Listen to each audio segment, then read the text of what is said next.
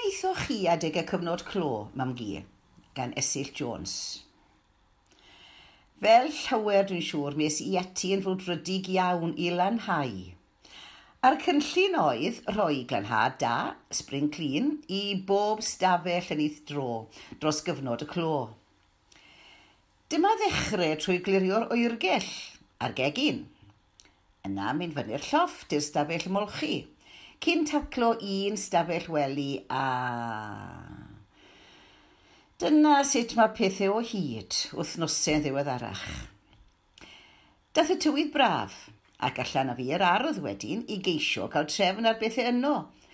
Pan ddath neges fod rhai ffrindiau wrthi'n gwnio ar gyfer staff ysbytau – gwnio bagiau sgrwb ar gyfer nyrsys oedd y prosiect cyntaf, er mwyn i'r nyrsys gael rhoi ei dillad gwaith yn y bag cyn neu yn syth ar ôl dod adre, a rhoi'r cyfan yn y peiriant golchi. Ymhen dim, roedd canodd o'r bagiau wedi mynd i'r ysbytau lleol, a'r nyrsys wrthi bodd gyda'i bagiau lliwgar defnyddiol. Gwirfoddolwyr oedd pob un oedd yn gwnio, gan ddefnyddio casus gobennydd a dillad gwely o'i cartref a chartrefu cymdogion a ffrindiau. Daeth cais wedyn i gael bandiau gwallt, capiau sgrwb am y gydau, ac mae'r galw am yr hain yn parhau o hyd. Erbyn hyn, daeth yn amlwg fod angen trefnu a gweinyddu mwy proffesiynol ar y gwaith yn enwedig am fod llawer oedd wrthi yn gwnio yn hunan yn ysu ac felly yn ffeili dosbarthu'r eitemau i'r ysbytau. Ar ebryll y cyntaf 2020, cychwynnwyd y grŵp Facebook For the Love of Scrubs ar gyfer Bwrdd Iechyd Prifysgol Bae Abertawe, a'r gweinyddu i gyd gan dîm bach o fenywod yn Abertawe dan gyfarwyddyd Lisa Pares. Erbyn hyn mae bron i 2,000 o bobl wedi cyfrannu mewn rhyw ffordd at waith y grŵp, gan gynhyrchu dros 2,000 ar hugen o'i temau yn y deuddeg wythnos gyntaf o'i bodolaeth.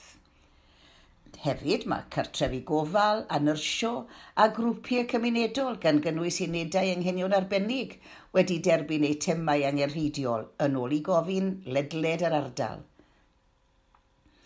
Daeth cais wedyn i wynio siwtiau sgrwb ar gyfer pawb oedd yn debyg o fod mewn cysylltiad a chlaf oedd yn dioddef o'r coronavirus ac mi o'n fod 1,100 o'r seti yma wedi mynd allan a rhyw 700 arall yn barod i gwnio ar hyn o bryd.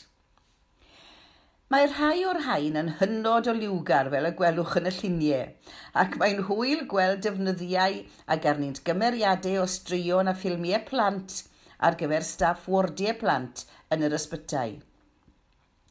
Syniad arall teimladwy oedd creu par o galonnau allan o ddefnydd yn union yr un fath.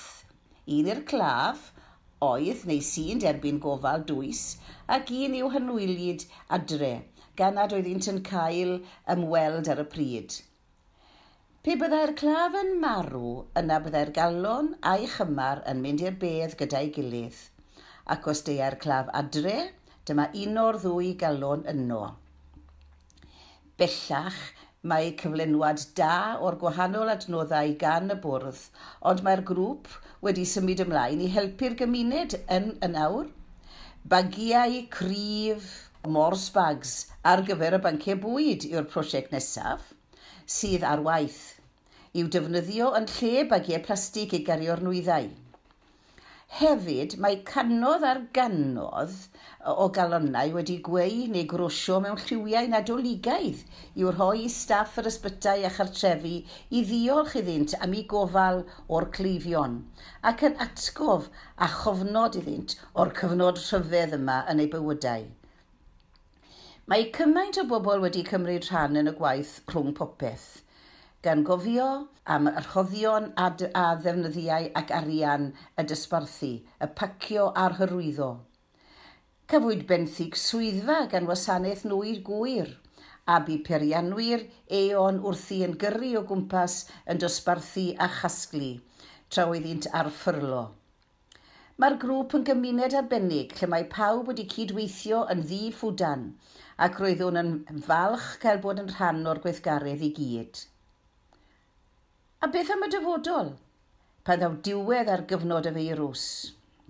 Dywed Lisa to parhau fel grŵp cymunedol yw'r nod yn gwnio, gwau neu grwsio i gymdeithasau a chael mwynhad.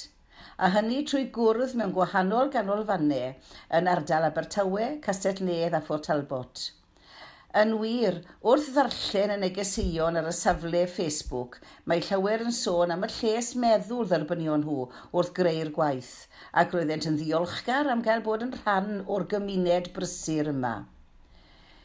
Bu aelodau o gynghennau Merched y Wawr ar hanbarth wrth i'n gwnio hefyd, gan roi'r bagiau am y gydau yn uniongyrchol i'r ysbytau neu i staff yno, a diolch iddynt am y lluniau ar gyfer yr erthigl yma.